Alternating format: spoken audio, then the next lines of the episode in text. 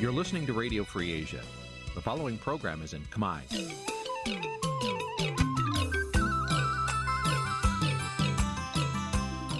Nǐ chi càm bi tiệp xáy vệt chiu a zì sê នេះជាកម្មវិធីផ្សាយរបស់ Vithu Azisari ជាភាសាខ្មែរ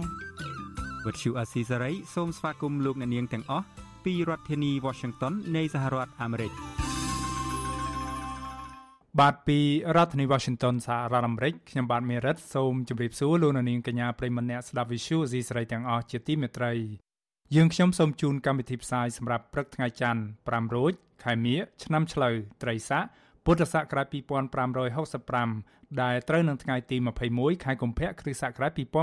2022បាទជាដំបូងនេះសូមអញ្ជើញលោកអ្នកនាងស្ដាប់ព័ត៌មានប្រចាំថ្ងៃដែលមានមេត្តាដូចតទៅ កម្ពុជាសង្ឃឹមថាក្រមប្រទេសហត្ថលេខីនៃកិច្ចព្រមព្រៀងពាណិជ្ជកម្មសេរីអាស៊ើបអាចសម្រេចជាឯកច្ឆន្ទលើករណីផ្ដោតសច្ចាប័នរបស់ភូមីជនជាតិអាមេរិកកាំងមិនភ្ញាក់ផ្អើលបើលោកហ៊ុនម៉ាណែតបានចូលរៀននៅសាលាយោធាអាមេរិកតាមខ្សែ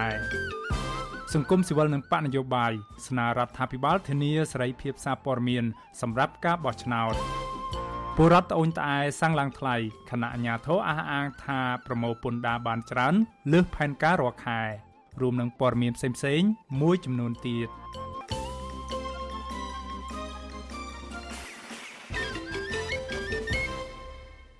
បាទជាបន្តទៅទៀតនេះខ្ញុំបាទមេរិតសូមជូនព័ត៌មានទាំងនេះពិស្ដាបាទកម្ពុជាសង្ឃឹមថាក្រមប្រទេសហត្ថលេខីនៃកិច្ចព្រមព្រៀងពាណិជ្ជកម្មសេរីអាស៊ើបអាចសម្រេចជាឯកច្ឆន្ទលើករណីទទួលស្គាល់ការផ្ដល់សច្ចាប័នរបស់មីយ៉ាន់ម៉ាឬភូមាជុំវិញការអនុវត្តកិច្ចព្រមព្រៀងពាណិជ្ជកម្មសេរីនេះ ការបញ្ជាក់ចំហរបស់កម្ពុជានេះកើតមានឡើងស្របពេលដែលប្រទេសពីរដែលជាភាគីហត្ថលេខីនៃកិច្ចព្រមព្រៀងពាណិជ្ជកម្មសេរីនេះបានប្រកាសចំហថាប្រទេសរបស់ពួកគេនឹងមិនអនុវត្តកិច្ចព្រមព្រៀងពាណិជ្ជកម្មសេរីអាស៊ាននេះជាមួយប្រទេសភូមានោះទេដោយសារតែបញ្ហាវិបត្តិនយោបាយនៅក្នុងប្រទេសនេះបាត់អស់ពីបញ្ហាចម្រូងចម្រាសនៅក្នុងរឿងរ៉ាវដែលមិនអនុញ្ញាតឲ្យមេដឹកនាំរដ្ឋប្រហារយោធាភូមាចូលរួមនៅក្នុងកិច្ចប្រជុំបើកឆាកចង្អៀតថ្នាក់រដ្ឋមន្ត្រីការបរទេសអាស៊ានបាន ឥឡូវនេះបញ្ហាអនុវត្តកិច្ចព្រមព្រៀងពាណិជ្ជកម្មសេរីដ៏ធំមួយដែលមានប្រទេស15ជាសមាជិកឬជាភាគីហត្ថលេខីកំពុងតែក្លាយជាបញ្ហាចម្បងមួយទៀតដែលធ្វើឲ្យក្រុមប្រទេសសមាជិកអាស៊ានឈឺក្បាលព្រោះអាចក្លាយជាបញ្ហាមិនចុះសម្រុងគ្នាការមិនចុះសម្រុងគ្នានេះគឺដោយសារតែក្រុមប្រទេសហត្ថលេខីនៃកិច្ចព្រមព្រៀងពាណិជ្ជកម្មសេរីអាស៊ិបពីប្រទេស គឺប្រទេសនូវែលសេឡង់និងប្រទេសហ្វីលីពីនទើបតែបានបញ្ជាក់ចំហចុងក្រោយថាប្រទេសរបស់ពួកគេនឹងមិនអនុវត្តកិច្ចព្រមព្រៀងពាណិជ្ជកម្មសេរីប្រចាំតំបន់នេះជាមួយប្រទេសភូមានោះទេនូវែលសេឡង់ថាការដែលខ្លួនសម្រេចចិត្តដូចនេះគឺដោយសារតែករណីអំពើហិង្សានិងការរំលោភសិទ្ធិមនុស្សនៅភូមានៅតែបន្តប្រព្រឹត្តដោយរបបសឹក ដែលបានធ្វើរដ្ឋប្រហារទម្លាក់មេដឹកនាំស្របច្បាប់នៃប្រទេសនេះគឺអ្នកស្រីអ៊ុងសាងស៊ូជីចេញពីតំណែងចាប់ពីខែកុម្ភៈកាលពីឆ្នាំកន្លងទៅនូវែលសេឡង់អំពាវនាវឲ្យរបបសឹកភូមាបញ្ឈប់ជាបន្ទាន់នឹងការប្រើប្រាស់អំពើហិង្សានិងដោះលែងរាល់អ្នកទោសនយោបាយទាំងអស់រីឯហ្វីលីពីនឯណោះវិញក៏បានសម្រេចចិត្តមិនអនុវត្តកិច្ចព្រមព្រៀងពាណិជ្ជកម្មសេរីនេះជាមួយប្រទេសភូមានោះដែរ រដ្ឋមន្ត្រីការបរទេសនៃប្រទេសហ្វីលីពីនលោក Theodoro Locsin ត្រូវបានទីភ្នាក់ងារសារព័ត៌មានអាមេរិក AP រាយការណ៍កាលពីថ្ងៃទី18ខែកុម្ភៈថារដ្ឋមន្ត្រីការបរទេសហ្វីលីពីនរូបនេះបានប្រាប់ទៅក្រុមរដ្ឋមន្ត្រីការបរទេសអាស៊ានដទៃទៀតនៅឯកិច្ចប្រជុំចង្អៀតថ្នាក់រដ្ឋមន្ត្រីការបរទេសអាស៊ាន ដែលកម្ពុជាបានរៀបចំធ្វើកាលពីសប្តាហ៍មុនថា ហ្វីលីពីននឹងមិនទទួលយកការចូលជាសមាជិកជាភាគីហត្ថលេខីនៃកិច្ចព្រមព្រៀងពាណិជ្ជកម្មសេរីអាស៊ិបរបស់ប្រទេសភូមានេះទេរដ្ឋមន្ត្រីការបរទេសហ្វីលីពីនរូបនេះពុំបានបញ្ជាក់លម្អិតអំពីហេតុផលនៅពីក្រោយការសម្រេចចិត្តរបស់ប្រទេសហ្វីលីពីននេះទេគិតរហូតមកទល់ពេលនេះគេនៅមិនទាន់ដឹងច្បាស់ពីជំហរជាក់លាក់របស់ប្រទេសសមាជិកអាស៊ានដទៃទៀតជុំវិញការទទួលស្គាល់ការផ្ដល់សច្ចាប័នរបស់ប្រទេសភូមាដោយរបបសឹក ទៅលើកិច្ចព្រមព្រៀងពាណិជ្ជកម្មសេរីអាស៊ាននេះឬការយល់ព្រមអនុវត្តកិច្ចព្រមព្រៀងពាណិជ្ជកម្មសេរីនេះជាមួយប្រទេសភូមាដែរឬយ៉ាងណានោះទេអ្នកនាំពាក្យក្រសួងការបរទេសកម្ពុជា លោកជុំសន្ទ្រីប្រាវិសុយស៊ីសេរីតាមបណ្ដាញសង្គម Telegram កាលពីថ្ងៃទី20ខែកុម្ភៈថាលោកមិនផ្ដល់អត្ថាធិប្បាយជាមួយប្រព័ន្ធផ្សព្វផ្សាយអំពីជំហរណាមួយដែលប្រទេសសមាជិកអាស៊ានដទៃទៀតបានលើកឡើង ជាពិសេសនៅក្នុងកិច្ចប្រជុំអាស៊ានរួមទាំងកិច្ចប្រជុំចង្អៀតថ្នាក់រដ្ឋមន្ត្រីការបរទេសអាស៊ានយ៉ាងណាក៏ដោយលោកថាជំហររបស់កម្ពុជាជារួមគឺគ្រប់គ្រងការបង្កើនការធ្វើពាណិជ្ជកម្មនៅក្នុងតំបន់ដែលនឹងចូលរួមចំណែកជួយអភិវឌ្ឍសេដ្ឋកិច្ចគួរឲ្យកត់សម្គាល់ជាពិសេសនៅក្នុងការងើបឡើងវិញយ៉ាងឆាប់រហ័សនៃសេដ្ឋកិច្ចពីផលប៉ះពាល់ដោយសារតែវិបត្តិជំងឺ Covid-19 លោកជុំសន្ទ្រីបញ្ជាក់ថាកម្ពុជាសង្ឃឹមថាភាគីហត្ថលេខីទាំងអស់ នៃកិច្ចព្រមព្រៀងពាណិជ្ជកម្មសេរីអាស៊ាននឹងអាចសម្រេចជាឯកច្ឆន្ទលើករណីនៃការផ្ដល់សច្ចាប័នរបស់ប្រទេសភូមា ចំពោះកិច្ចព្រមព្រៀងពាណិជ្ជកម្មសេរីនេះ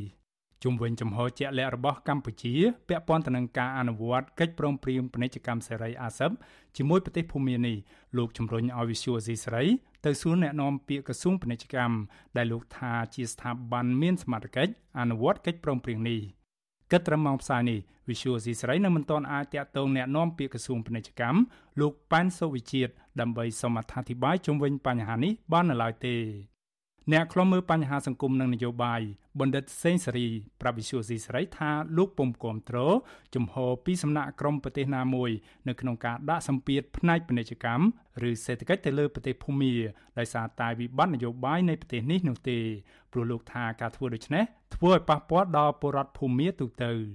បណ្ឌិតសេងសេរីចង់ឃើញក្រុមប្រទេសសមាជិកអាស៊ាន និងប្រទេសនៅក្នុងតំបន់នាំគ្នាស្វែងរកដំណោះស្រាយមួយដែលមានលក្ខណៈច្នៃប្រឌិត ជុំវិញបញ្ហាវិបត្តិនៅភូមិនេះ។ ខ្ញុំគិតថាបើយើងមើលជារូបភាពរួមប្រទេសដែលជាមហាអំណាចសេដ្ឋកិច្ចឬក៏ជាប្រទេសអាស៊ានហ្នឹងក៏គួរតែពិចារណាទៅរកវិធីសាស្ត្រថ្មីម្ដងទៀតជាជាងការសម្រេចចិត្តក្នុងការដាក់ទណ្ឌកម្មឬក៏ isolate ឬក៏ exclude ប្រទេសភូមាអញ្ចឹងណាខ្ញុំឃើញថាអាស៊ានមិនទាន់មានការប្រឹងប្រែងឲ្យអស់លទ្ធភាពនៅឡើយទេក្នុងការដោះស្រាយបញ្ហាភូមាក្រៅទៅពីការបន្ទុកក្តីបន្ទុកគ្នាទៅវិញទៅមកណាបាទហើយទម្លាប់របស់អាស៊ានហ្នឹងគឺមិនសូវជាចេះជួយគ្នាដែរទេអញ្ចឹងហើយខ្ញុំមើលឃើញថាអាស៊ានគួរតែមានការប្រឹងប្រែងហើយគួរតែប្រើប្រាស់គួរតែជជែកគ្នានៅក្នុងការរកដំណោះស្រាយបានបែបដំណោះស្រាយវាមានហើយក៏ប៉ុន្តែគណៈថាវិធីសាស្ត្រឬក៏យុទ្ធវិធីនៅក្នុងការដោះស្រាយបញ្ហាហ្នឹងក៏វាគួរតែវាមាន innovative វាមាននវានុវត្តន៍បន្តិចកិច្ចព្រមព្រៀងពាណិជ្ជកម្មសេរីអាស៊ានដែលមានឈ្មោះពេញថាជាកិច្ចព្រមព្រៀងភាពជាដៃគូសេដ្ឋកិច្ចគ្រប់ជ្រុងជ្រោយតំបន់ត្រូវបានចូលជាធរមាននៅតាមប្រទេសភាគច្រើនរួមទាំងកម្ពុជាផង ចាប់ពីថ្ងៃទី1ខែមករាឆ្នាំ2022កិច្ចព្រមព្រៀងនេះ គឺជាកិច្ចព្រមព្រៀងពាណិជ្ជកម្មសេរីដ៏ធំជាងគេបំផុតមួយនៅលើពិភពលោកដែលមានប្រទេសសរុប15ប្រទេសបានចុះហត្ថលេខាព្រមព្រៀងគ្នា នៅក្នុងនោះរួមមានប្រទេសអាស៊ានទាំង10ប្រទេសប្រទេសចិនជប៉ុនកូរ៉េខាងត្បូងអូស្ត្រាលី និងនូវែលសេឡង់ កិច្ចព្រមព្រៀងពាណិជ្ជកម្មនេះរងនឹងការរិះគន់ថាចិនជាអ្នកទទួលបានផលប្រយោជន៍និងការចំណេញច្រើនជាងគេបំផុតពីការអនុវត្តកិច្ចព្រមព្រៀងពាណិជ្ជកម្មសេរីនេះស្របពេលដែលពុំមានវត្តមានរបស់សហរដ្ឋអាមេរិកចូលរួមនៅក្នុងកិច្ចព្រមព្រៀងពាណិជ្ជកម្មសេរីនេះទេក្រុមអ្នកជំនាញធ្លាប់លើកឡើងថាកិច្ចព្រមព្រៀងពាណិជ្ជកម្មសេរីអាស៊ាននេះ ពុំមានលក្ខខណ្ឌតម្រូវតឹងតែងឲ្យប្រទេសពាក់ព័ន្ធគោរពស្តង់ដារសិទ្ធិមនុស្សសិទ្ធិការងារនិងលទ្ធិប្រជាធិបតេយ្យដោយកិច្ចព្រមព្រៀងពាណិជ្ជកម្មផ្សេងទៀតជាមួយក្រុមប្រទេសលោកខាងលិចនោះទេយ៉ាងណាក៏ដោយគេរំពឹងថាកិច្ចព្រមព្រៀងពាណិជ្ជកម្មសេរីនេះនឹងជំរុញពាណិជ្ជកម្មនៅក្នុងតំបន់ឲ្យកើនឡើង2%បន្ថែមទៀតឬស្មើនឹងជាង40,000លានដុល្លារអាមេរិកកិច្ចព្រមព្រៀងដែលមានប្រទេសចិនជាអ្នកនៅពីក្រោយនេះ គ្របដណ្ដប់នៅលើតំបន់មួយ ដែលមានប្រជាជនសរុប2000លាននាក់ស្មើនឹងជិត1/3នៃពាណិជ្ជកម្មនិងសកម្មភាពជំនួញនៅទូទាំងសកលលោកក៏ប៉ុន្តែការសិក្សាស្រាវជ្រាវរួមគ្នាមួយចេញផ្សាយកាលពីដើមឆ្នាំ2021ដោយមជ្ឈមណ្ឌលគោលនយោបាយអភិវឌ្ឍសកលឬ Global Development Policy Center នៃសាកលវិទ្យាល័យ Boston នៅសហរដ្ឋអាមេរិកដោយមន្ត្រីជំនាញរបស់អង្គការសហប្រជាជាតិនិងសាស្ត្រាចារ្យនៅសាកលវិទ្យាល័យនេះ បានរកឃើញថាកម្ពុជាអាចនឹងខាតបង់ចំណូលពន្ធពាណិជ្ជកម្មប្រមាណជិត300លានដុល្លារអាមេរិកនៅក្នុងមួយឆ្នាំមួយឆ្នាំឬស្មើនឹង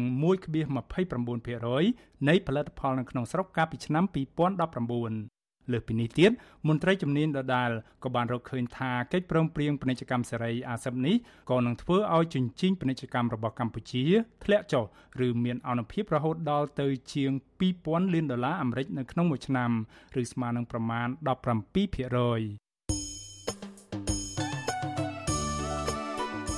បាទលោកនាងប្រិមម្នាក់ស្ដាប់ជាទីមេត្រីដំណើរគ្នានឹងការស្ដាប់កម្មវិធីផ្សាយរបស់ Visual C ស្រីតាមបណ្ដាញសង្គម Facebook និង YouTube លោកនាងក៏អាចស្ដាប់កម្មវិធីផ្សាយរបស់ Visual C ស្រីតាមរលកធារកាសខ្លីឬ Shortwave តាមកម្រិតនិងកម្ពស់ដូចតទៅនេះពេលព្រឹកចាប់ពីម៉ោង5កន្លះដល់ម៉ោង6កន្លះតាមរយៈរលកធារកាសខ្លី9390 kHz ស្មើនឹងកម្ពស់ 32m និង11850 kHz ស្មើនឹងកម្ពស់ 25m ពេលយប់ចាប់ពីម៉ោង7កន្លះដល់ម៉ោង8កន្លះ តាមរយៈរលកធារកាសខ្លី9390 kHz ស្មើនឹងកម្ពស់ 32m និង15155 kHz ស្មើនឹងកម្ពស់ 20m បាទសូមអរគុណ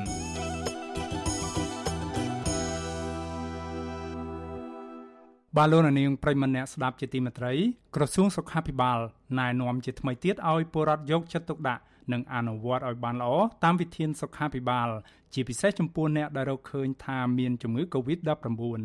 ការអំពាវនាវឲ្យពង្រឹងវិធានការសុខាភិបាលនេះធ្វើឡើងនៅពេលដែលចំនួនអ្នកឆ្លងជំងឺ Covid-19 ប្រភេទមេរោគបំលែងខ្លួនថ្មីអូមីក្រុង បានចាប់ផ្ដើមកើនឡើងវិញ ហើយក៏មានចំនួនអ្នកស្លាប់ដោយសារជំងឺនេះដែរអ្នកជំនាញសុខាភិបាលក៏ជំរុញលើកទឹកចិត្តឲ្យពលរដ្ឋធ្វើតេស្តរហ័ស បង្កើនការប្រុងប្រយ័ត្នអនុវត្តនៅវិធានសុខាភិបាលព្រមទាំងកាត់បន្ថយនឹងការជួបប្រជុំដែលមិនចាំបាច់បានអ្នកស្រីសុជីវីរាយការណ៍ព័ត៌មាននេះពាក់ម៉ាស់រក្សាគម្លាតនិងលាងសម្អាតដៃឲ្យបានញឹកញាប់នៅតែជាវិធានការចាំបាច់សម្រាប់ពលរដ្ឋការពារខ្លួនពីជំងឺ Covid-19 ប្រភេទ Omicron លើសពីនេះអ្នកមានជំងឺនេះត្រូវចេះថែទាំសុខភាពឲ្យបានត្រឹមត្រូវ ដើម្បីជៀសវាងគ្រោះថ្នាក់ធ្ងន់ធ្ងរនិងការចម្លងទៅអ្នកផ្សេងទៀតទាំងក្នុងគ្រួសារនិងសហគមន៍ប្រធានសមាគមគ្រូពេទ្យគុណធម៌កម្ពុជាលោកគ្រូពេទ្យអ៊ូចវុធី មានប្រសាសន៍ប្រាប់វិទ្យុអាស៊ីសេរីថាជំងឺ Covid-19 ប្រភេទ Omicron ឆ្លងរហ័សដែលនឹងធ្វើឲ្យចំនួនអ្នកឆ្លងជំងឺនេះបន្តកើនឡើងប្រសិនបើពលរដ្ឋធ្វើប្រហែសក្នុងការការពារខ្លួនឲ្យបានខ្ជាប់ខ្ជួនលោកគ្រូពេទ្យណែនាំដល់ពលរដ្ឋថាត្រូវកាត់បន្ថយការជួបប្រជុំនានាដែលមិនចាំបាច់ ប្រសិនបើមិនអាចជៀសពីការជួបជុំបានទេចាំបាច់ត្រូវពាក់ម៉ាស់រក្សាគម្លាតសុវត្ថិភាព ជាពិសេសនៅក្នុងបន្ទប់បិទជិតនិងត្រូវលាងសម្អាតដៃដោយសាប៊ូឬជែលសម្រាប់មេរោគឲ្យបានញឹកញាប់និងជាប្រចាំលោកគ្រូពេទ្យដដែលណែនាំទៀតថាការធ្វើតេស្តរហ័សដើម្បីរកជំងឺ Covid-19 ក៏មានភាពចាំបាច់ដែរដើម្បីញែកអ្នកដែលមានជំងឺ ចេញទៅនៅដាច់ដោយឡែកឬធ្វើចាត់តល័យស័កបានទាន់ពេលវេលាបើសិនជាបងប្អូន មានលទ្ធភាពគួរណាតែមានគ្រប់គ្នាហើយបានមើលនៅបងប្អូនកូនចៅក្នុងគ្រួសារយើងដើម្បីបានដឹងហើយយើងយកទៅដាក់ម្ដុំឲ្យព្យាបាលគាត់ឲ្យបានលឿនកុំឲ្យមានហានិភ័យឆ្លងបន្តទៅអ្នកដទៃទៀតបាទព្រោះអូមីក្រុងនេះបើសិនជានៅក្បែរវាឆ្លងលឿនក៏ប៉ុន្តែក៏វាអាចតាវលៀប ទៅវិញលឿនដែរបាទនឹងឥឡូវបងប្អូនប្រជាពលរដ្ឋយើងខ្ញុំសួរបងប្អូនប្រជាពលរដ្ឋយើងគាត់ថាគាត់គាត់មានអាការៈក្តាស់ស្រាយដែរហើយដល់ហើយយ៉ាងយូរ3ថ្ងៃគាត់ញ៉ាំថ្នាំញ៉ាំអីចឹងទៅបាត់ជាទៅវិញបាទខ្លួនឯងទៅបាទក្រសួងសុខាភិបាលកាលពីថ្ងៃទី20ខែកុម្ភៈម្សិលមិញបានចេញសេចក្តីណែនាំបន្ថែមពង្រឹងវិធានការសុខាភិបាលទប់ស្កាត់ការឆ្លងរាលដាលជំងឺ Covid-19 ក្នុងសហគមន៍ក្នុងនោះក្រសួងសុខាភិបាលណែនាំឲ្យធ្វើតេស្តរហ័ស ឬតេស្តរោគអង់ទីហ្សែននៅក្នុងចំណោមអ្នកដែលសង្ស័យថាមានរោគសញ្ញាតិចតួចឬពាក់ព័ន្ធជាមួយអ្នកមានជំងឺ Covid-19 នឹងត្រូវធ្វើចាត់តល័យសាក់ភ្លាមភ្លាមករណីរោគមិនឃើញជំងឺ Covid-19 នៅតេស្តលើកទី1គឺត្រូវធ្វើតេស្តឡើងវិញនៅក្នុងរយៈពេល72ម៉ោងជាមួយគ្នានេះត្រូវតាមដានសុខភាពជាប្រចាំប្រសិនបើធ្វើតេស្តរហ័សរកឃើញថាវិជ្ជមានជំងឺ Covid-19 ត្រូវបង្កើនការប្រុងប្រយ័ត្នជៀសវាងចម្លងជំងឺទៅអ្នកផ្សេងទៀតហើយត្រូវរាយការណ៍ទៅអាជ្ញាធរឬក្រុមគ្រូពេទ្យសម្រាប់អ្នកជំងឺកម្រិតស្រាលគឺអ្នកដែលមានរោគសញ្ញាតិចតួច ឬគ្មានរោគសញ្ញាអាចថែទាំសុខភាពព្យាបាលដោយខ្លួនឯងនៅផ្ទះទៅតាមរោគសញ្ញាដែលមានប៉ុន្តែក្នុងស្ថានភាពរោគសញ្ញាមធ្យមឬធ្ងន់ត្រូវទៅមន្ទីរពេទ្យឲ្យទាន់ពេលវេលា ក្នុងករណីមានបញ្ហាថប់ដង្ហើមហត់ពិបាកដកដង្ហើម ឬការព្យាបាលនៅផ្ទះមួយរយៈមិនបានធូរស្រាលការពង្រឹងវិធានការនេះបន្ទាប់ពីចំនួនអ្នកជំងឺ Covid-19 បានកើនឡើងវិញជាបន្តបន្ទាប់កាលពីថ្ងៃទី20ខែកុម្ភៈក្រសួងសុខាភិបាលបានប្រកាសពីករណីថាមានអ្នកស្លាប់ដោយសារជំងឺ Covid-19 ឡើងវិញគឺមានចំនួន2អ្នកហើយសុទ្ធសឹងតែជាអ្នកដែលបានចាក់វ៉ាក់សាំងរួចរាល់រីឯករណីឆ្លងថ្មីវិញគឺមានជាង700នាក់ដែលសុទ្ធតែជាមេរោគបំផ្លាញខ្លួនថ្មីប្រភេទអូមីក្រុង ក្រៅពីណែនាំទៅដល់ពលរដ្ឋទូទៅនិងអ្នកជំងឺឲ្យបង្កើនការប្រុងប្រយ័ត្នក្រសួងសុខាភិបាលក៏ណែនាំដល់អ្នករៀបចំកម្មវិធីជួបជុំផ្សេងផ្សេងឲ្យអនុវត្តឲ្យបានខ្ជាប់ខ្ជួននៅវិធានការចាំបាច់មួយចំនួនដូចជាកាត់បន្ថយការរៀបចំកម្មវិធីជួបជុំហើយប្រសិនបើមិនអាចជៀសបាន អ្នកចូលរួមត្រូវធ្វើតេស្តរហ័សមុនពេលចូលរួមកម្មវិធីព្រមទាំងទាមទារឲ្យបង្ហាញបានចាក់ថ្នាំបង្ការជំងឺ Covid-19 ជាចាំបាច់ នេះខ្ញុំសុជីវីវិទ្យុអាស៊ីសេរីពីរដ្ឋធានី Washington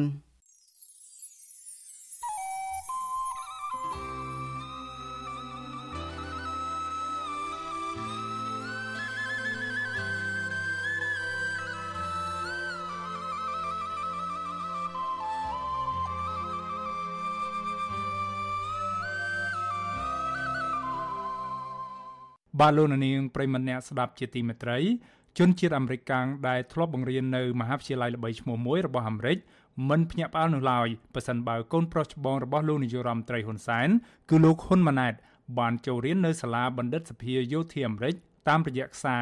ឬបានចូលរៀនដោយសារមានមន្ត្រីអាមេរិកចេញមុខធានានោះបាទលោកនាងនឹងបានស្ដាប់សេចក្តីរាយការណ៍ពីស្ដារជំវិញព័ត៌មាននេះនាពេលបន្តិចទៀតនេះ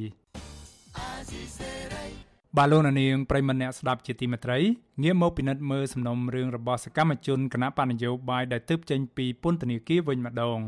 បាទសកម្មជនគណៈបកសង្គ្រោះជាតិម្នាក់ដែលទើបតែចេញពីពន្ធនាគារថ្មីថ្មោងគឺលោកចៅវាសនា បានប្រកាសថាលោកនឹងបន្តការងារនយោបាយសកម្មឡើងវិញ ដើម្បីចូលរួមចំណែកស្ដារលទ្ធិប្រជាធិបតេយ្យនៅកម្ពុជា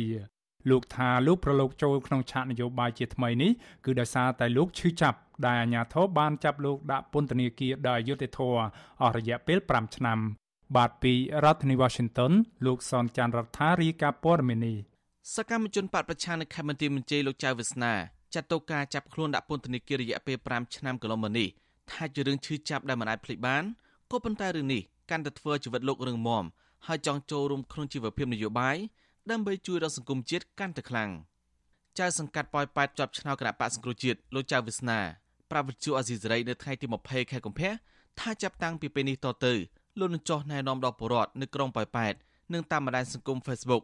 ដើម្បីឲ្យពួកគេគ្រប់គ្រងនិងបោះឆ្នោតជូនគណៈបកភ្លើងទៀននៅពេលខាងមុខលោកយល់ថាការធ្វើបែបនេះដើម្បីចូលរួមចំណែកស្ដារប្រជាធិបតេយ្យនៅកម្ពុជាឲ្យរស់ឡើងវិញដោយសារលោកមើលឃើញថាសពថ្ងៃមានប្រជាពលរដ្ឋមួយចំនួននៅតែភ័យខ្លាច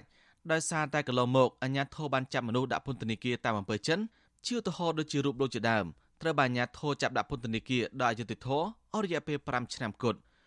លោកជឿជាក់ថាស្ថានភាពសពថ្ងៃនេះមានតែគណៈបកភ្លឹងទៀនមួយទេដែលអាចប្រកួតប្រជែងការបោះឆ្នោតយកឈ្នះគណៈបកកណ្ដាលអំណាចដើម្បីទៅដឹកនាំឃុំសង្កាត់ឲ្យដើរតាមគន្លងប្រជាធិបតេយ្យហើយមានការគោរពសិទ្ធិសេរីភាពរបស់ប្រជាបាន។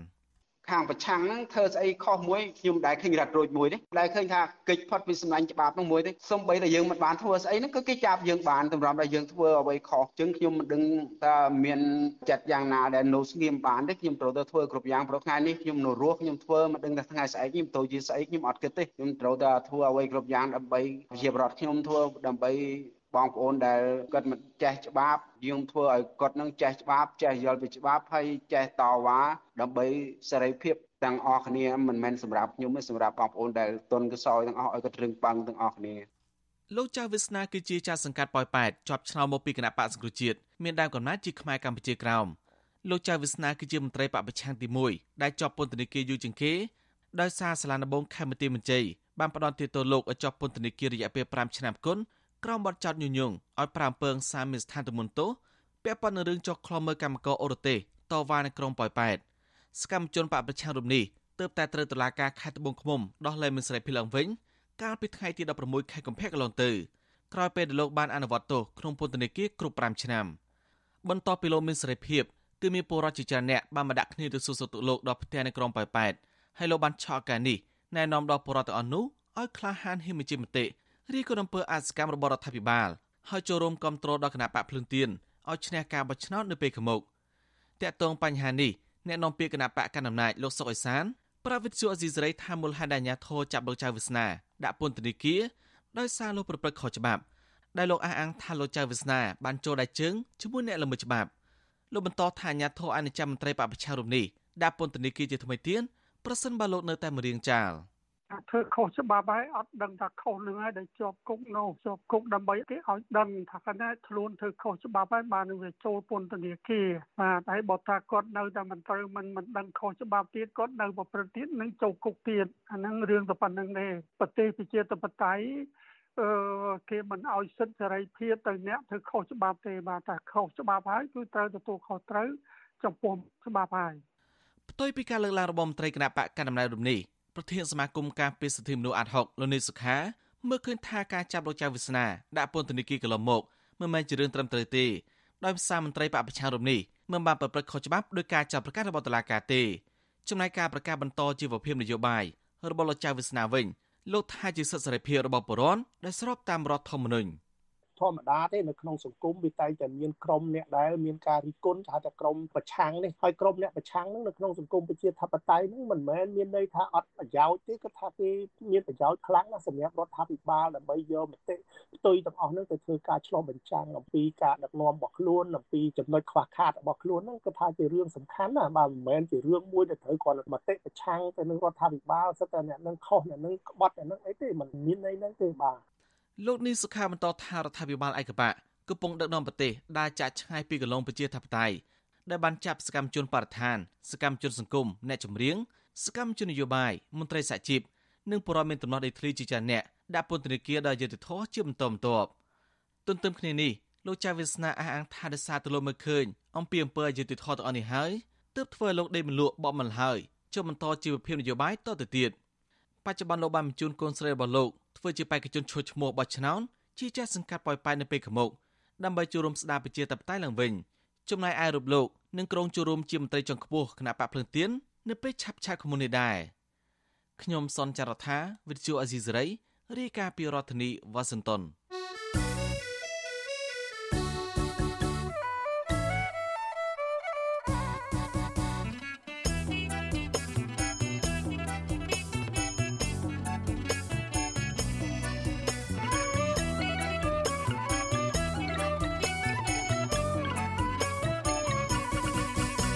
បាទលោកនាងប្រិមនៈស្ដាប់ជាទីមេត្រីពាក់ព័ន្ធនឹងការបោះឆ្នោតឃុំសង្កាត់នាពេលខាងមុខនេះវិញបាទក្រុមអង្គការសង្គមស៊ីវិលនិងគណៈបណ្ឌនយោបាយមួយចំនួនជំរុញឲ្យរដ្ឋាភិបាលបើកលំហសិទ្ធិសេរីភាពសារព័ត៌មានឲ្យបានពេញលេញសម្រាប់ដំណើរការការបោះឆ្នោតក្រុមប្រឹក្សាឃុំសង្កាត់នាពេលខាងមុខនេះតាមមន្ត្រីបកកណ្ដាលអំណាចបកស្រាយយ៉ាងណាជុំវិញបញ្ហានេះបាទលោកនាងនឹងបានស្ដាប់សេចក្តីរាយការណ៍ពិស្ដាជុំវិញរឿងនេះនាពេលបន្តិចទៀតនេះ បាទលោកនាងប្រិមម្នាក់ស្ដាប់ជាទីមេត្រីក្នុងរឿងរ៉ាវដាច់ដライមួយទៀតមជ្ឈមណ្ឌលសិទ្ធិមនុស្សកម្ពុជាហៅកាត់ថា CCHR បានចេញប្រតិបត្តិព័ត៌មានជារូបភាពមួយដើម្បីប្រារព្ធទិវាយុត្តិធម៌សង្គមរបស់ពិភពលោក កាលពីថ្ងៃទី20ខែកុម្ភៈដោយរំលេចនៅបញ្ហាប្រឈមនានានៅក្នុងវិស័យការងារនៅកម្ពុជា ជាពិសេសបញ្ហាការងារនៅកម្ពុជាជាង90%ជាការងារផ្នែកសេដ្ឋកិច្ចក្រៅប្រព័ន្ធ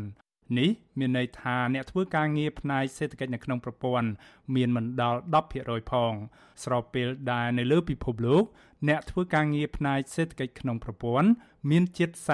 40%តួលេខទាំងនេះផ្អែកលើរបាយការណ៍របស់អង្គការអន្តរជាតិខាងការងារហៅកាត់ថា ILO សម្រាប់ឆ្នាំ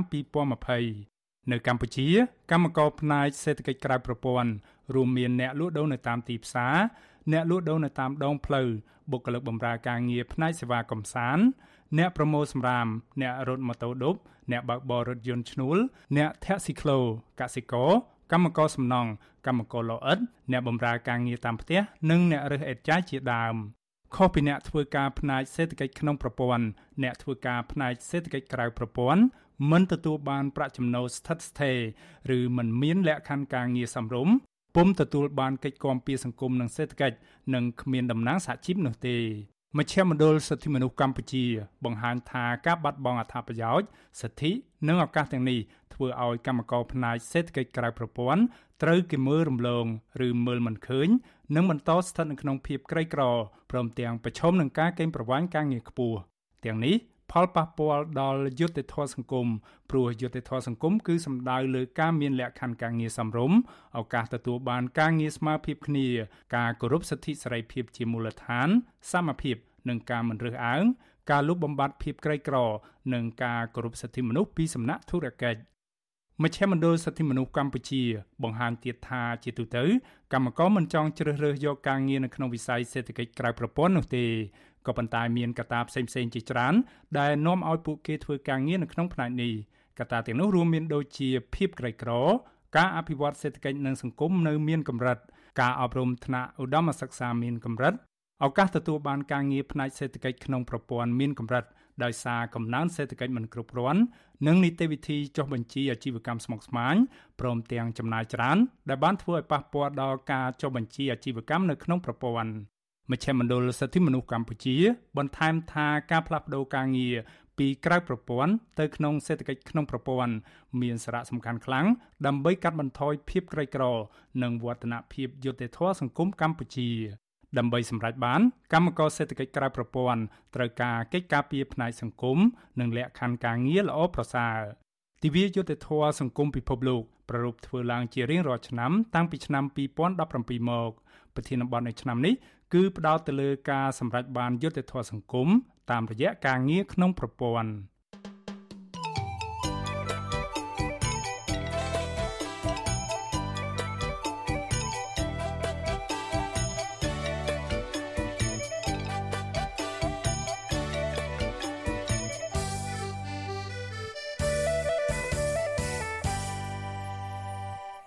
បាទលោកនាងប្រិមម្នាក់ស្ដាប់ជាទីមេត្រីលោកនាងកំពុងស្ដាប់កម្មវិធីផ្សាយរបស់ Visual C ស្រីផ្សាយចេញពីរដ្ឋធានី Washington សហរដ្ឋអាមេរិកបានងាកមកស្ដាប់ព័ត៌មានតាក់ទងទៅនឹងការតូនតារបស់ពលរដ្ឋជុំវិញរឿងសាំងឡើងថ្លៃវិញម្ដង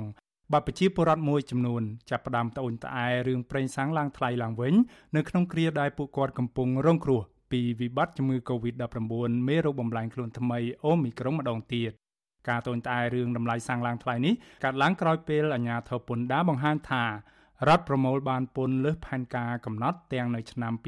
2021និងនៅដើមឆ្នាំ2022នេះ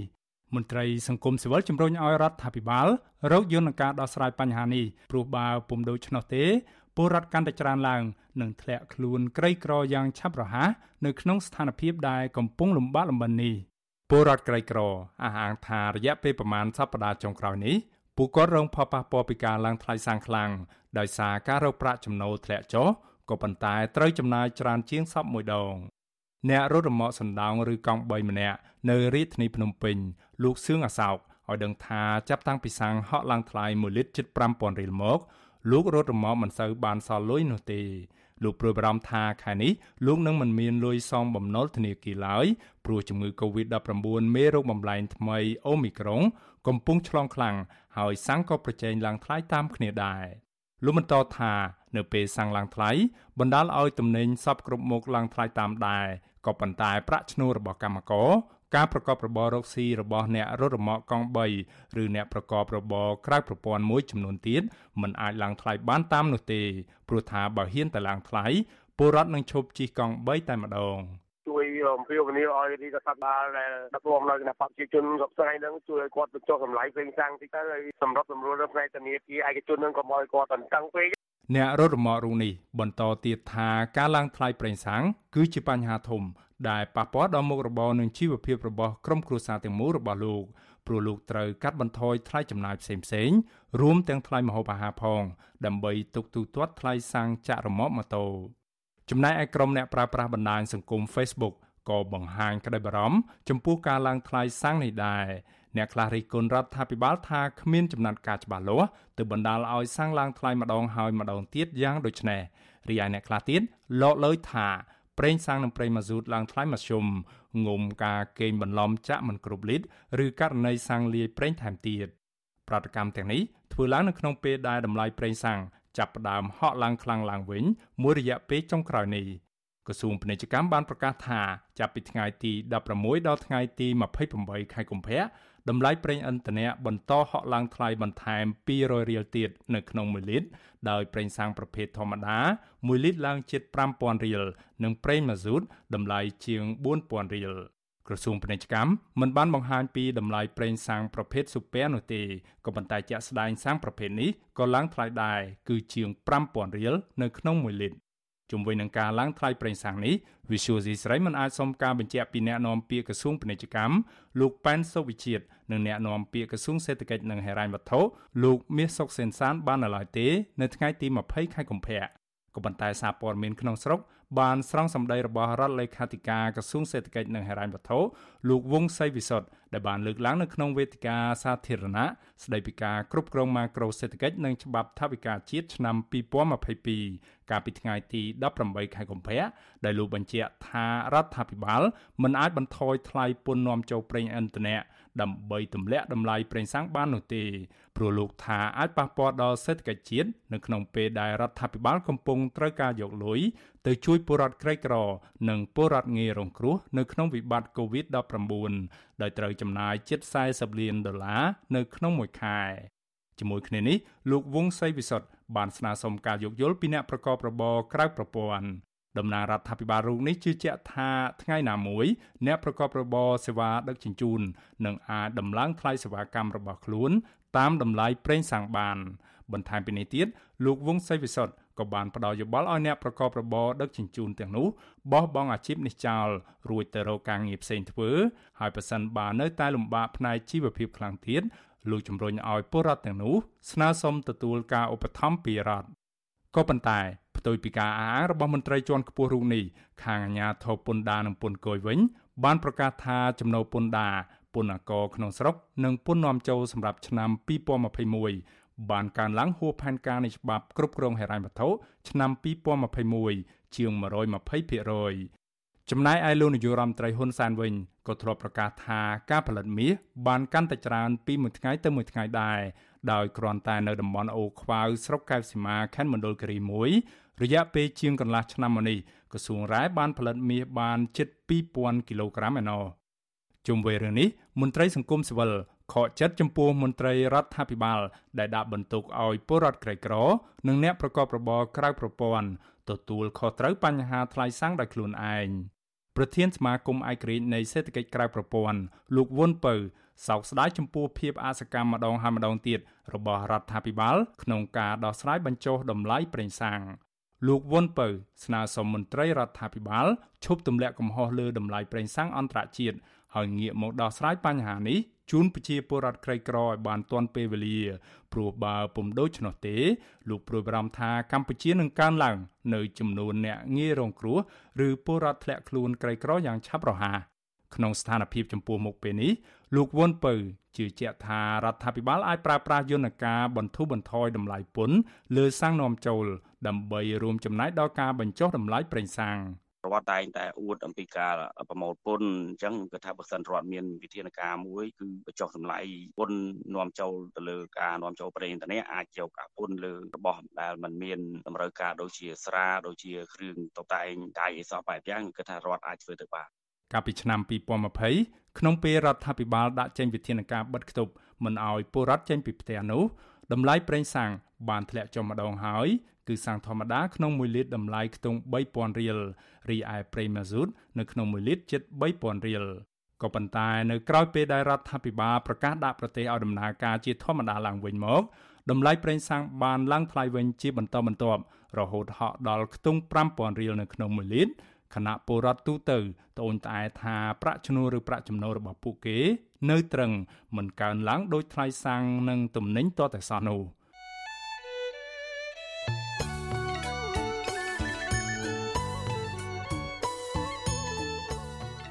បាទលោកនាងកញ្ញាប្រិមម្នាក់ស្ដាប់ជាទីមេត្រី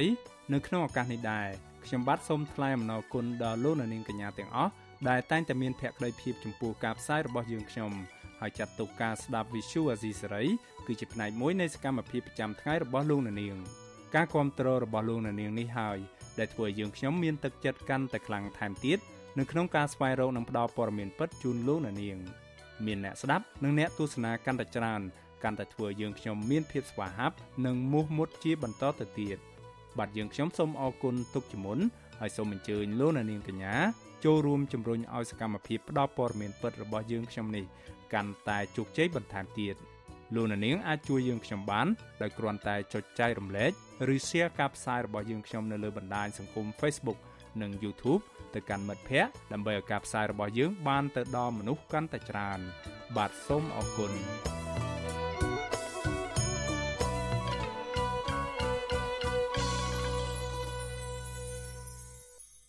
បាទលោកនាងប្រិមមអ្នកស្ដាប់ជាទីមេត្រីព័ត៌មានតកតងទៅនឹងការទប់ស្កាត់បទល្មើសគ្រឿងញៀនវិញម្ដង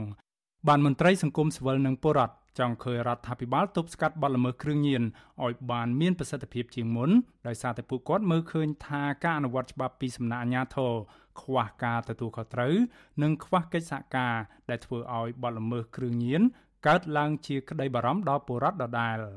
មន្ត្រីអាជ្ញាធរជាតិប្រយុទ្ធប្រឆាំងគ្រឿងញៀននៃក្រសួងមហាផ្ទៃអះអាងថាសមត្ថកិច្ចបានយកចិត្តទុកដាក់បង្ក្រាបបទល្មើសគ្រឿងញៀនតែលោកទទួលយកការលើកឡើងទាំងនោះដើម្បីកែលម្អនិងពង្រឹងការអនុវត្តច្បាប់បន្តទៀតបាទលោកមួងណារ៉េតរាយការណ៍ព័ត៌មាននេះអង្គការសង្គមស៊ីវិលមួយចំនួនចង់ឃើញរដ្ឋាភិបាលលោកហ៊ុនសែនបង្ហាញវិធានការអនុវត្តច្បាប់ និងផែនការទប់ស្កាត់លើបទល្មើសគ្រឿងញៀនឲ្យមានប្រសិទ្ធភាពជាងបច្ចុប្បន្នដោយសារតែកម្ពុជានៅតែជាគោលដៅរងគ្រោះនៃការចរាចរណ៍និងជួញដូរគ្រឿងញៀនខុសច្បាប់ ប្រធានមជ្ឈមណ្ឌលប្រជាពលរដ្ឋដើម្បីអភិវឌ្ឍនិងសន្តិភាពលោកយងកឹមអេងមានប្រសាសន៍ថាលោកសាទរចំពោះវិធានការបង្ក្រាបបទល្មើសគ្រឿងញៀនរបស់សមាជិកពាក់ព័ន្ធជាបន្តបន្ទាប់កន្លងមកនេះក៏ប៉ុន្តែលោកមើលឃើញថាកន្លងទៅការអនុវត្តផែនការប្រយុទ្ធប្រឆាំងបង្ក្រាបបទល្មើសគ្រឿងញៀនរបស់រដ្ឋាភិបាលមិនទាន់គ្រប់គ្រាន់ដើម្បីកាត់បន្ថយការរីករាលដាលគ្រឿងញៀននៅក្នុងប្រទេសឲ្យមានប្រសិទ្ធភាពនៅឡើយទេលោកបន្តទៀតថាបញ្ហាដែលកើតឡើងនោះគឺដោយសារតែការអនុវត្តច្បាប់នៅទូរលុង ខ្វះការទទួលខុសត្រូវនិងខ្វះកិច្ចសហការរវាងក្រសួងស្ថាប័នរដ្ឋបញ្ហាបកពួកនឹងគ្រួសារនិយម ដែលនាំឲ្យប្រជាពលរដ្ឋមិនហ៊ានរាយការណ៍ព័ត៌មាន និងបញ្ចេញមតិជំវិញករណីជួញដូរនិងប្រើប្រាស់គ្រឿងញៀននៅក្នុងសង្គម ទីមួយដែលសំខាន់ហ្នឹងគឺត្រូវតែយ៉ាងណាបើទលាយសេរីភាពដើម្បីជាបរដ្ឋចូលរួមមតិដូចជាហ៊ានរាយការណ៍អំពីបញ្ហាគ្រឿងញៀនត្រូវតែពង្រឹងសមត្ថកិច្ចឲ្យមានសមត្ថភាពគ្រប់គ្រាន់នៅក្នុងការយុទ្ធប្រឆាំងនឹងបញ្ហាគ្រឿងញៀនតាមដានត្រួតពិនិត្យរបស់ថ្នាក់លើទៅលើការអនុវត្តរបស់ថ្នាក់ក្រមនឹងត្រូវតែកាត់ផ្ដាច់នៅរឿងបពពួកនិយមខ្សែស្រឡាយហ្នឹងបាទធានការសំខាន់គឺធ្វើម៉េចលើកទីចិត្តឲ្យប្រព័ន្ធផ្សព្វផ្សាយចូលរួមឲ្យបានសកម្មបាទ ជាមួយគ្នានេះនាយកប្រតិបត្តិអង្គការសម្ព័ន្ធគណនេយ្យភាពសង្គមកម្ពុជាលោកសនជ័យឯណោះលោកសង្កេតឃើញថាស្ថានភាពនៃការទប់ស្កាត់បទល្មើសគ្រឿងញៀនពីសំណាក់អាជ្ញាធរមានសមត្ថកិច្ចនៅមិនទាន់មានភាពល្អប្រសើរនៅឡើយដែរហើយសង្គមស៊ីវិលនៅតែមានកង្វល់ជាខ្លាំងចំពោះការអនុវត្តច្បាប់ដែលនៅមានកម្រិតក្នុងស្ថានភាពវិបត្តិនៃការរីករាលដាលនៃជំងឺ Covid-19 អក្រិតជនមានឱកាសអាចពង្រីកក្រុមគោលដៅនិងឥទ្ធិពលបន្ថែមទៀត លោកចង់ឃើញស្ថាប័នពាក់ព័ន្ធអនុវត្តច្បាប់ទប់ស្កាត់គ្រឿងញៀនឲ្យបានជាក់លាក់ជាងមុន ចំពោះមធ្យោបាយផលិតនិងចែកចាយនិងការនាំចូលពីបណ្ដាញអក្រិតជនរួមទាំងក្រុមគោលដៅដែលជាអ្នកប្រើប្រាស់នៅទីក្រុងនិងជនបទដើម្បីឆ្លើយតបទៅនឹងយុទ្ធសាស្ត្រនិងគោលនយោបាយភូមិឃុំមានសវត្ថិភាពរបស់រដ្ឋាភិបាល វាតតែស្ថាប័នជាតិទាំងអស់នឹងរួមដៃគ្នាផ្សុងមួយដាក់បញ្ហាគ្រឿងញៀននេះទៅជាបញ្ហាប្រឈមអស់គ្នាហើយស្ថាប័ននីមួយៗត្រូវធ្វើការដោយប្រុងប្រយ័ត្នបំផុតដើម្បីកុំឲ្យការសម្រេចចិត្តរបស់ខ្លួនខ្លះវាមានការផ្លាស់ប្ដូរតែប្រែคลายពីថោកធាតុដើមយកមកផលិតជាជីទៅជាផលិតចេញជាគ្រឿងញៀនទៅវិញអញ្ចឹងត្រូវតែរកដំណោះស្រាយទៅលើបញ្ហារួម ការលើកឡើងទាំងនេះធ្វើឡើងបន្ទាប់ពីរដ្ឋាភិបាលដាក់ចេញផែនការស្ដីពីយុទ្ធនាការប្រឆាំងគ្រឿងញៀនខុសច្បាប់លើកទី7សម្រាប់ឆ្នាំ2022កាលពីថ្ងៃទី9ខែកុម្ភៈដើម្បីអនុវត្តគោលការណ៍រួមឲ្យមានប្រសិទ្ធភាពដោយពង្រឹងនិងបំពេញបន្ថែមនៅការអនុវត្តច្បាប់ប្រយុទ្ធប្រឆាំងនឹងគ្រឿងញៀនខុសច្បាប់នៅក្នុងផែនការនោះរដ្ឋាភិបាលបានចេញនូវវិធានការដូចជាបន្តយកចិត្តទុកដាក់ផ្សព្វផ្សាយអប់រំច្បាប់និងគ្រោះថ្នាក់ដោយសារគ្រឿងញៀនព្រមទាំងបង្កើនសកម្មភាពស្រាវជ្រាវ ស៊ើបអង្កេត បង្ការទប់ស្កាត់និងលើកកម្ពស់សកម្មភាពប្រតិបត្តិការទប់ស្កាត់បង្ក្រាបដោយគ្មានយោគយល់ជាមួយគ្នានេះរដ្ឋាភិបាលក៏បានអះអាងថាខ្លួនបន្តពង្រឹងនិងជំរុញសកម្មភាពអនុវត្តវិធានការព្យាបាល និងយន្តការតាមដានរួមទាំងការត្រួតពិនិត្យមុខសញ្ញាប្រើប្រាស់សារធាតុញៀនហើយអាជ្ញាធរត្រូវកសាងភូមិឃុំគ្មានគ្រឿងញៀនដោយប្រើប្រាស់យន្តការភូមិឃុំមានសុវត្ថិភាពជាគោល ជុំវិញរឿងនេះអគ្គលេខាធិការនៃលេខាធិការដ្ឋានអាជ្ញាធរជាតិប្រឆាំងគ្រឿងញៀននៃក្រសួងមហាផ្ទៃលោកមាសវិរិទ្ធប្រាប់វិទ្យុអាស៊ីសេរីថាចំនួនបាត់ល្មើសគ្រឿងញៀនឆ្នាំ2021កន្លងទៅធៀបទៅនឹងឆ្នាំ2020គឺបានថយចុះក៏ប៉ុន្តែសរុបសារធាតុញៀនដែលសមត្ថកិច្ចចាប់យកបាន គឺកើនឡើងលោកបន្តថាហេតុផលដែលរដ្ឋាភិបាលដាក់ចេញផែនការនេះគឺដើម្បីប្រើប្រាស់យន្តការដែលមានស្រាប់ និងធ្វើបច្ចុប្បន្នភាពការងារសកម្មបន្ថែមទៀតដើម្បីដោះស្រាយរាល់បញ្ហាប្រឈមនឹងការខ្វះខាត ជាពិសេសព្យាយាមស្វែងរកនិន្នាការថ្មីនៃការកើនឡើងគ្រឿងញៀនសំយោគដែលចេញពីសារធាតុគីមីផ្សំលោកមាសវិរិទ្ធអះអាងបន្តទៀតថាកន្លងទៅសមត្ថកិច្ចតែងតែយកចិត្តទុកដាក់ពង្រឹងសមត្ថភាពដើម្បីបង្ក្រាបបទល្មើសគ្រឿងញៀនបើទោះបីជាយ៉ាងនេះក្តីលោកទទួលស្គាល់ថាកន្លងទៅការអនុវត្តរបស់សមត្ថកិច្ចពិតជាមានចំណុចខ្វះខាត នៅក្នុងកម្រិតកិច្ចសហការក្របខ័ណ្ឌជាតិនិងអន្តរជាតិហើយលោកយល់ថាមតិយោបល់របស់ក្រុមអង្គការសង្គមស៊ីវិលនិងប្រជាពលរដ្ឋទាំងនោះគឺលោកអះអាងថានឹងយកទៅពង្រឹងនិងកែសម្រួលការអនុវត្តបន្ថែមទៀតកិច្ចសហប្រតិបត្តិការយើងនឹងខ្វះខាតឬឆក់វែងឬក៏មិនទាន់រឹងមាំដែលយើងតែងតែសម្រឹងគុណភាពសមត្ថភាពហើយនឹងកិច្ចសហប្រតិបត្តិការដែលយើងគ្មានស្ថាប័នណាមួយធ្វើកិច្ចការងារក្រាបគ្រឿងមានតែឯងទទួលបានជោគជ័យ វាទាមទារឲ្យមានការចូលទាំងក្នុងក្របខ័ណ្ឌជាតិយើងត្រូវការប្រជាពលរដ្ឋឲ្យមានការចូលរួមបានមានដាក់ចេញនៅយុទ្ធនាការខាងគ្រឿងញៀនខុសច្បាប់សម្ដៅគៀកោកម្លាំងសរុបរបស់សង្គមចូលរួមជាមួយនឹងអាជ្ញាធរមានសមត្ថកិច្ចរបាយការណ៍របស់រដ្ឋាភិបាលបង្ហាញថាកាលពីឆ្នាំ2021សមត្ថកិច្ចបានបង្ក្រាបបទល្មើសគ្រឿងញៀនសរុបចំនួនជាង6000ករណីដោយឃាត់ជនសង្ស័យជិត14000នាក់ ចាប់យកសារធាតុញៀនគ្រប់ប្រភេទសរុបទម្ងន់ជិត5តោន និងសារធាតុគីមីទម្ងន់ជាង80តោនរួមទាំងមធ្យោបាយសម្ភារៈនិងវត្ថុតាងមួយចំនួនផងដែរក្រុមអង្គការសង្គមស៊ីវិលព្រួយបារម្ភពីផលប៉ះពាល់ធ្ងន់ធ្ងរដល់សង្គមនិងប្រជាពលរដ្ឋជាពិសេសយុវជនចំនួនក្រោយ ដែលរងការបំផ្លាញអនាគតបាត់បង់ធនធានអភិវឌ្ឍជាតិប្រសិនបរដ្ឋាភិបាលមិនបានអនុវត្តយុទ្ធសាស្ត្រទប់ស្កាត់និងលុបបំបាត់គ្រឿងញៀននិងសារធាតុញៀនឲ្យបានច្បាស់លាស់និងទាន់ពេលវេលានោះទេពួកគាត់ចង់ឃើញរដ្ឋាភិបាលលើកកម្ពស់ប្រព័ន្ធផ្សព្វផ្សាយឲ្យបានទូលំទូលាយជាងមុនអំពីគុណវិបត្តិគ្រឿងញៀនដល់ប្រជាពលរដ្ឋនិងសង្គមហើយលើសពីនេះត្រូវអនុវត្តច្បាប់ឲ្យបានតឹងរឹងនិងពង្រឹងសមត្ថកិច្ចជំនាញជំវិញការស្រាវជ្រាវស៊ើបអង្កេតរកបណ្ដាញនៃការផលិតចែកចាយនិងប្រើប្រាស់គ្រឿងញៀន ដើម្បីធានានៅសន្តិសុខសង្គមសេដ្ឋកិច្ចជាតិនិងសុខុមាលភាពប្រជាពលរដ្ឋខ្ញុំបាទមួងណារ៉េត With you Assisary ប្រធានាធិបតី Washington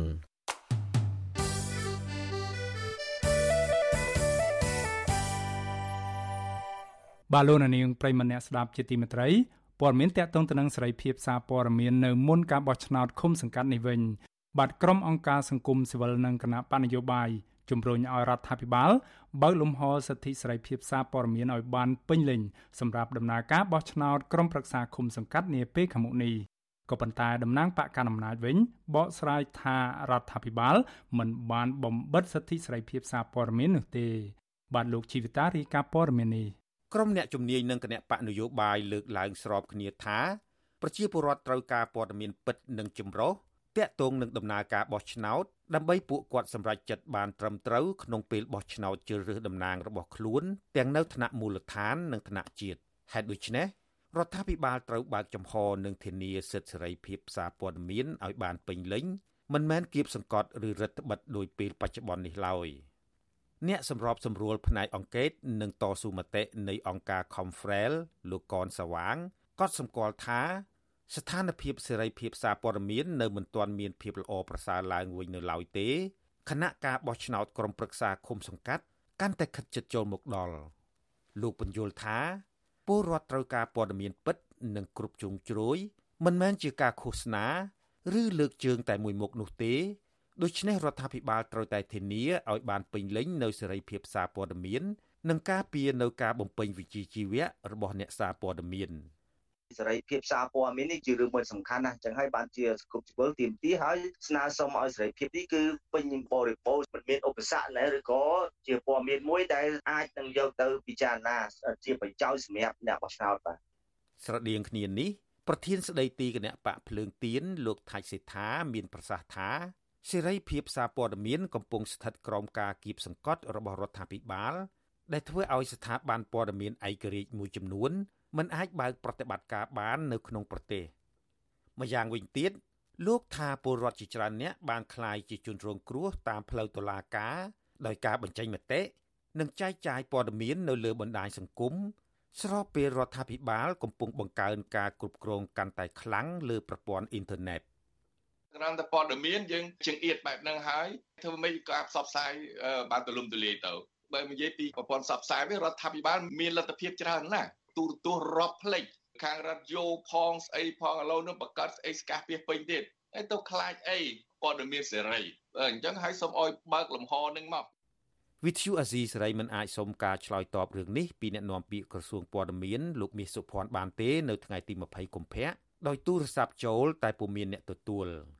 ប៉ុន្តែអ្នកនាំពាក្យបកកាន់អំណាចលោកសុកអេសានថ្លែងថារដ្ឋាភិបាលមិនបានបិទលំហសេរីភាពសារព័ត៌មាននោះទេ លោកបកស្រាយថារដ្ឋាភិបាលយកចិត្តទុកដាក់ក្នុងការលើកកម្ពស់សេរីភាពសារព័ត៌មានតួយ៉ាង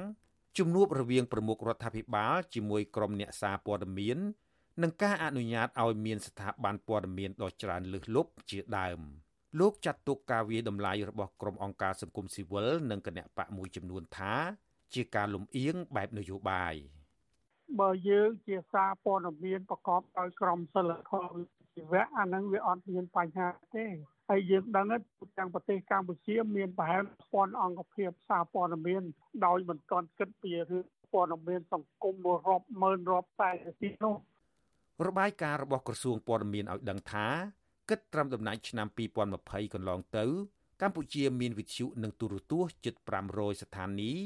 កាសែតនិងទស្សនាវដ្តីជាង600អង្គភាព គេហទំព័រនិងទូរទស្សន៍អនឡាញជិត700អង្គភាព និងសមាគមសារព័ត៌មានចំនួន51រដ្ឋាភិបាលលោកហ៊ុនសែនបានយកចំនួនស្ថាប័នព័ត៌មានដ៏ច្រើននេះធ្វើជាមូលដ្ឋាន ដើម្បីបកស្រាយប្រាប់សហគមន៍ជាតិនិងអន្តរជាតិថាកម្ពុជាមានសេរីភាពសារព័ត៌មានទូលំទូលាយពលរដ្ឋទទួលបានព័ត៌មានចម្រុះនិងសម្បូរបែបហើយអ្នកសារព័ត៌មានអាចប្រកបវិជ្ជាជីវៈបានដោយសេរី ដោយគ្មានការរើសអើង និងគ្មានការបៀតបៀនទោះជាយ៉ាងណា អង្គការអន្តរជាតិនិងសមាគមសារព័ត៌មានឯករាជ្យអះអាងថាបរិមាណឬចំនួនសារព័ត៌មានមិនអាចឆ្លុះបញ្ចាំងអំពីស្ថានភាពសេរីភាពសារព័ត៌មាននោះទេករណីជាក់ស្ដែងនៅកម្ពុជា ស្ថាប័នព័ត៌មានមានច្រើនមែនតែស្ថាប័នទាំងនោះភាគច្រើនជាម៉ាស៊ីនឃោសនាឲ្យគណៈបកប្រជាជនកម្ពុជាឬរដ្ឋាភិបាល និងជាស្ថាប័នសារព័ត៌មានដែលមិនហ៊ានផ្សាយការពិត គណៈស្ថាប័នព័ត៌មានឯករាជ្យមានចំនួនតិចតួច ហើយជានិច្ចកាលត្រូវបានអាជ្ញាធរលាបពណ៌ថា ផ្សាយព័ត៌មានមិនពិតគ្រប់គ្រងក្រុមប្រឆាំងឬផ្សាយព័ត៌មានញុះញង់ជាដើមធ្ងន់ធ្ងរជាងនេះទៅទៀតនោះអាជ្ញាធរបានចាប់ខ្លួនចោទប្រកាន់ឬផ្ដន្ទាទោសអ្នកសារព័ត៌មានជាច្រើនអ្នកដោយសារតែការបំពេញមុខងាររបស់ពួកគេឬក៏ដោយសារតែពួកគេមានអតីតភាពជាអ្នកសារព័ត៌មានឯករាជ្យ ដូចជាករណីអតីតអ្នកយកព័ត៌មានវិទ្យុអាស៊ីសេរីលោកយាងសុធារិន និងលោកអ៊ួនឈិនជាដើមនាយកប្រតិបត្តិសម្ព័ន្ធអ្នកសារព័ត៌មានឯករាជ្យហៅកាត់ថាកម្ពុជាលោកណប់វីសង្កេតឃើញថា ស្របពេលការបោះឆ្នោតកាន់តែខិតជិតចូលមកដល់អ្នកសារព័ត៌មានឯករាជ្យនៅតែរងការរើសអើងនិងការគំរាមកំហែងពីសំណាក់អាជ្ញាធរជាហូហែលោកបារម្ភថាបើករណីបែបនេះនៅតែបន្តកើតមានទៀត នោះអ្នកសារព័ត៌មានទំនងជាមិនអាចបំពេញការងារផ្ដល់ព័ត៌មានពិត និងគ្រប់ជ្រុងជ្រោយជូនដល់ពលរដ្ឋម្ចាស់ឆ្នោត និងភាគីពាក់ព័ន្ធបាននោះឡើយ។ យើងមិនអាចបានដឹងនៅអ្វីដែលជាការពិតអ្វីដែលជាបញ្ហាផ្សេងផ្សេងដែលកើតមានឡើងនៅជុំវិញយុទ្ធនាការឃោសនាបោះឆ្នោតឬមួយក៏កំឡុងពេលនៃការបោះឆ្នោតនឹងទេវាលុះត្រាតែអ្នកសារព័ត៌មាននឹងមានឯករាជ្យភាពគ្រប់គ្រាន់នៅក្នុងការបង្ហាញនៅអ្វីដែលជាការលើកឡើងរបស់គណៈបកនយោបាយគ្រប់និន្នាការគណៈបកនយោបាយទី1ទី2ដែលការលើកឡើងនឹងគឺទទួលបាននៅការគ្រប់គ្រងឬមួយក៏សេរីភាពនៅក្នុងការផ្សព្វផ្សាយដោយមិនមានរូបភាពនៃការគម្រាមកំហែងតាមរយៈទស្សនវិជ្ជាណាមួយការបោះឆ្នោតក្រុមប្រឹក្សាឃុំសង្កាត់អាណត្តិទី5នឹងប្រព្រឹត្តទៅនៅថ្ងៃទី5មិថុនាពលគឺនៅសល់តែជាង3ខែទៀតប៉ុណ្ណោះប៉ុន្តែអ្នកសង្កេតការមើលឃើញថាបរិយាកាសនយោបាយនៅតែស្ថិតក្នុងភាពអាប់អួរដដែលស្របពេលរដ្ឋាភិបាលលោកហ៊ុនសែនបន្តបង្ក្រាបលើសិទ្ធិសេរីភាពជាមូលដ្ឋាន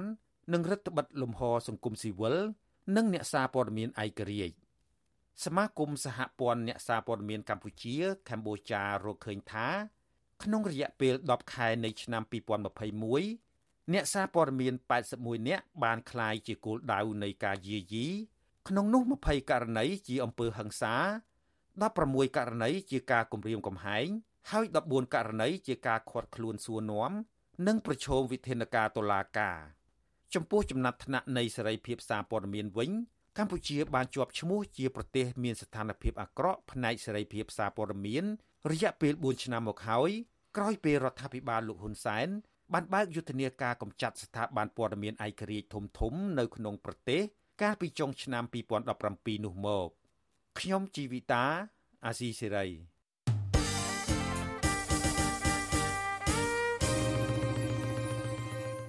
បាឡូណានាងប្រិមម្នាក់ស្ដាប់ជាទីមេត្រីជនជាតិអាមេរិកកាំងដែលធ្លាប់បង្រៀននៅមហាវិទ្យាល័យល្បីឈ្មោះមួយរបស់អាមេរិក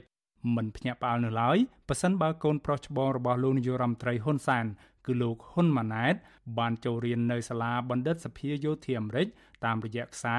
ឬបានចូលរៀនដោយសារតែមានមន្ត្រីអាមេរិកចេញមុខធានាបាទសូមអញ្ជើញលោកនាងស្ដាប់សេចក្តីរាយការណ៍ពិស្ដារមួយទៀតរបស់លោកមួងណារ៉េតជុំវិញព័ត៌មាននេះ អតីតគ្រូបង្រៀននៅមហាវិទ្យាល័យ Harvard Kennedy សម្រាប់រដ្ឋាភិបាលឬ Harvard Kennedy School of Government ថាជាទម្លាប់ទៅហើយបើទោះបីជាទម្លាប់នេះមិនសូវល្អក៏ដោយដែលសាលាល្បីៗនៅសហរដ្ឋអាមេរិកតម្រូវឲ្យសិស្សមានខ្សែឬក៏មានអ្នកមានអំណាចជាអ្នកធានាមុននឹងអាចចូលរៀនបាន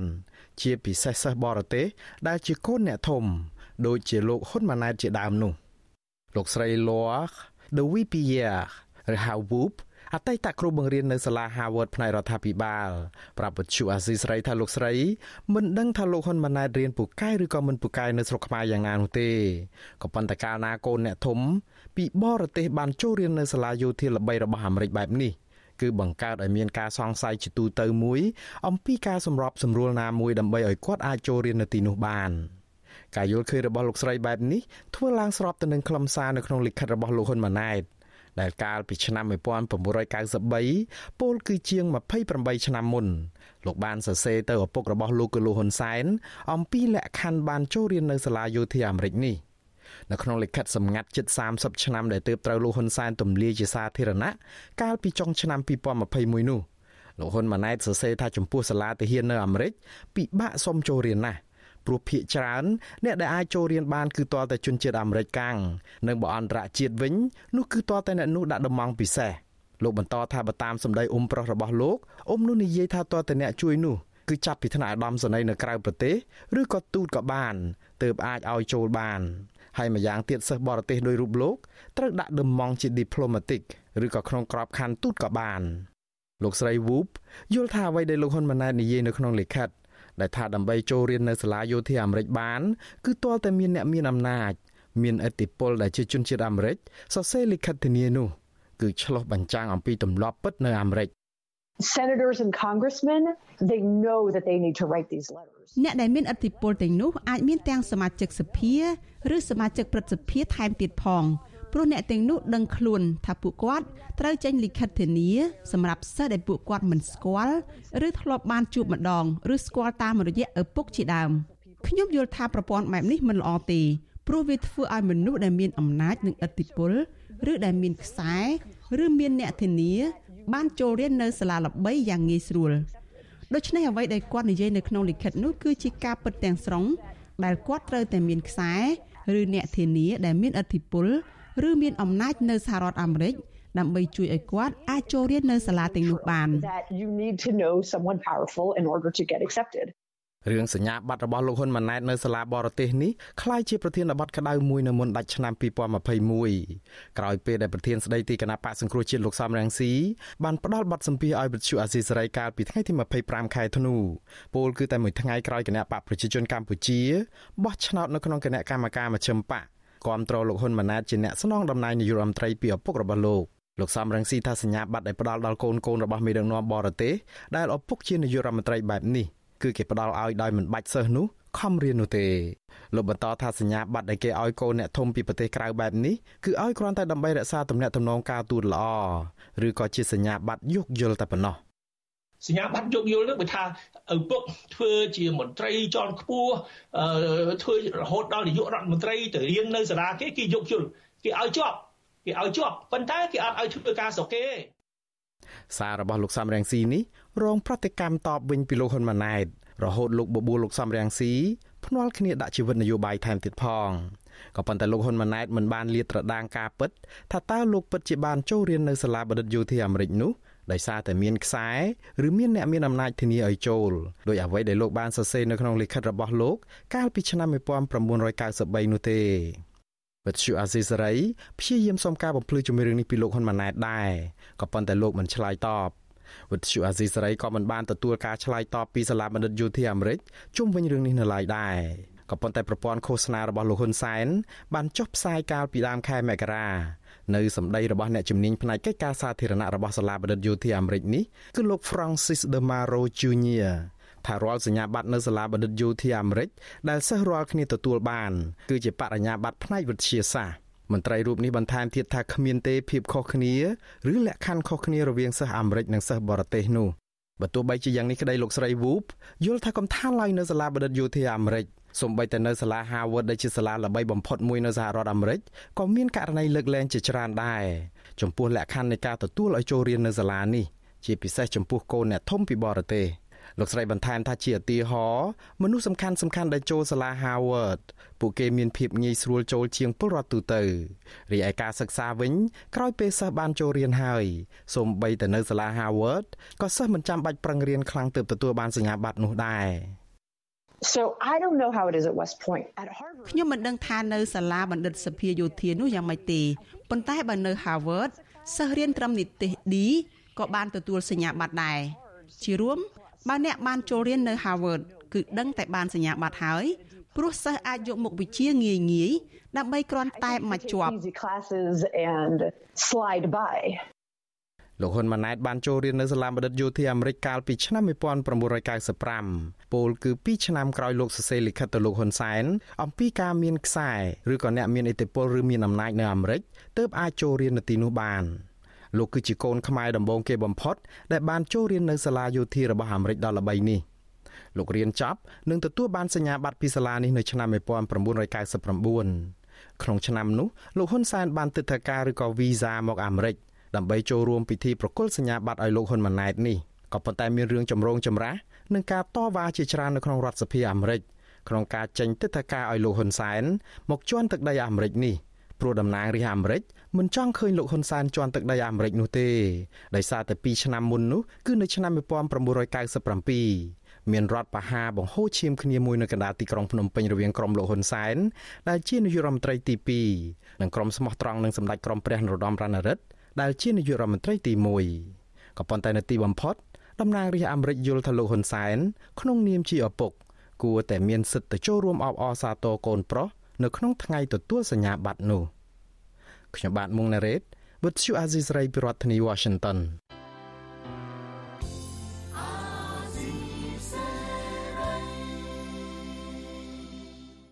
បាទលោកនាងកញ្ញាប្រិមម្នាក់ស្ដាប់ជាទីមេត្រី កម្មវិធីផ្សាយរយៈពេល1ម៉ោងនៃ Visual Asia ស្រីជាភាសាខ្មែរនៅពេលនេះចប់តែប៉ុណ្ណេះយើងខ្ញុំសូមជូនពរដល់លោកនាងកញ្ញាព្រមទាំងក្រុមគ្រួសារទាំងអស់ឲ្យជួបប្រកបតែនឹងសេចក្តីសុខចម្រើនរុងរឿងកំបីឃ្លានឃ្លាតឡើយខ្ញុំបាទមេរិតព្រមទាំងក្រុមការងារទាំងអស់នៃ Visual Asia ស្រីសូមអរគុណនិងសូមជម្រាបលា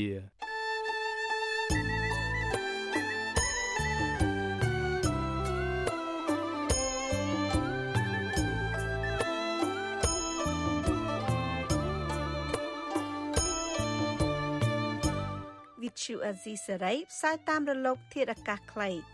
ឬ short wave តាមកម្រិតនិងកម្ពស់ដូចតទៅនេះពេលព្រឹកចាប់ពីម៉ោង5កន្លះដល់ម៉ោង6កន្លះតាមរយៈរលកធាតុអាកាសខ្លី9390 kHz ស្មើនឹងកម្ពស់ 32m និង11850 kHz ស្មើនឹងកម្ពស់ 25m ពេលយប់ចាប់ពីម៉ោង7កន្លះដល់ម៉ោង8កន្លះតាមរយៈរលកធាតុអាកាសខ្លី 9390 kHz ស្មើនឹងកម្ពស់ 32m និង15155 kHz ស្មើនឹងកម្ពស់ 20m លោកអ្នកនាងក៏អាចស្ដាប់ការផ្សាយផ្ទាល់តាមប្រព័ន្ធអ៊ីនធឺណិតដោយចូលទៅកាន់គេហទំព័រ www.rfa.org/ ខ្មែរក្រៅពីនេះលោកអ្នកនាងក៏អាចអាននិងទស្សនាព័ត៌មានវិទ្យុអេស៊ីសរ៉ៃលើទូរស័ព្ទដៃរបស់លោកអ្នកផ្ទាល់ សូមលោកអ្នកនាងចូលទៅកាន់បណ្ដាញសង្គម Facebook ដែលមានអាសយដ្ឋាន www.facebook.com/rfa.cambodia និង YouTube www.youtube.com/rfa ខ្មែរ video សូមលោកអ្នកនាងចុច like និងចុច subscribe ដើម្បីទទួលបានព័ត៌មានថ្មីៗទាន់ហេតុការណ៍និងទស្សនាវីដេអូផ្សេងៗទៀតបានគ្រប់ពេលវេលា។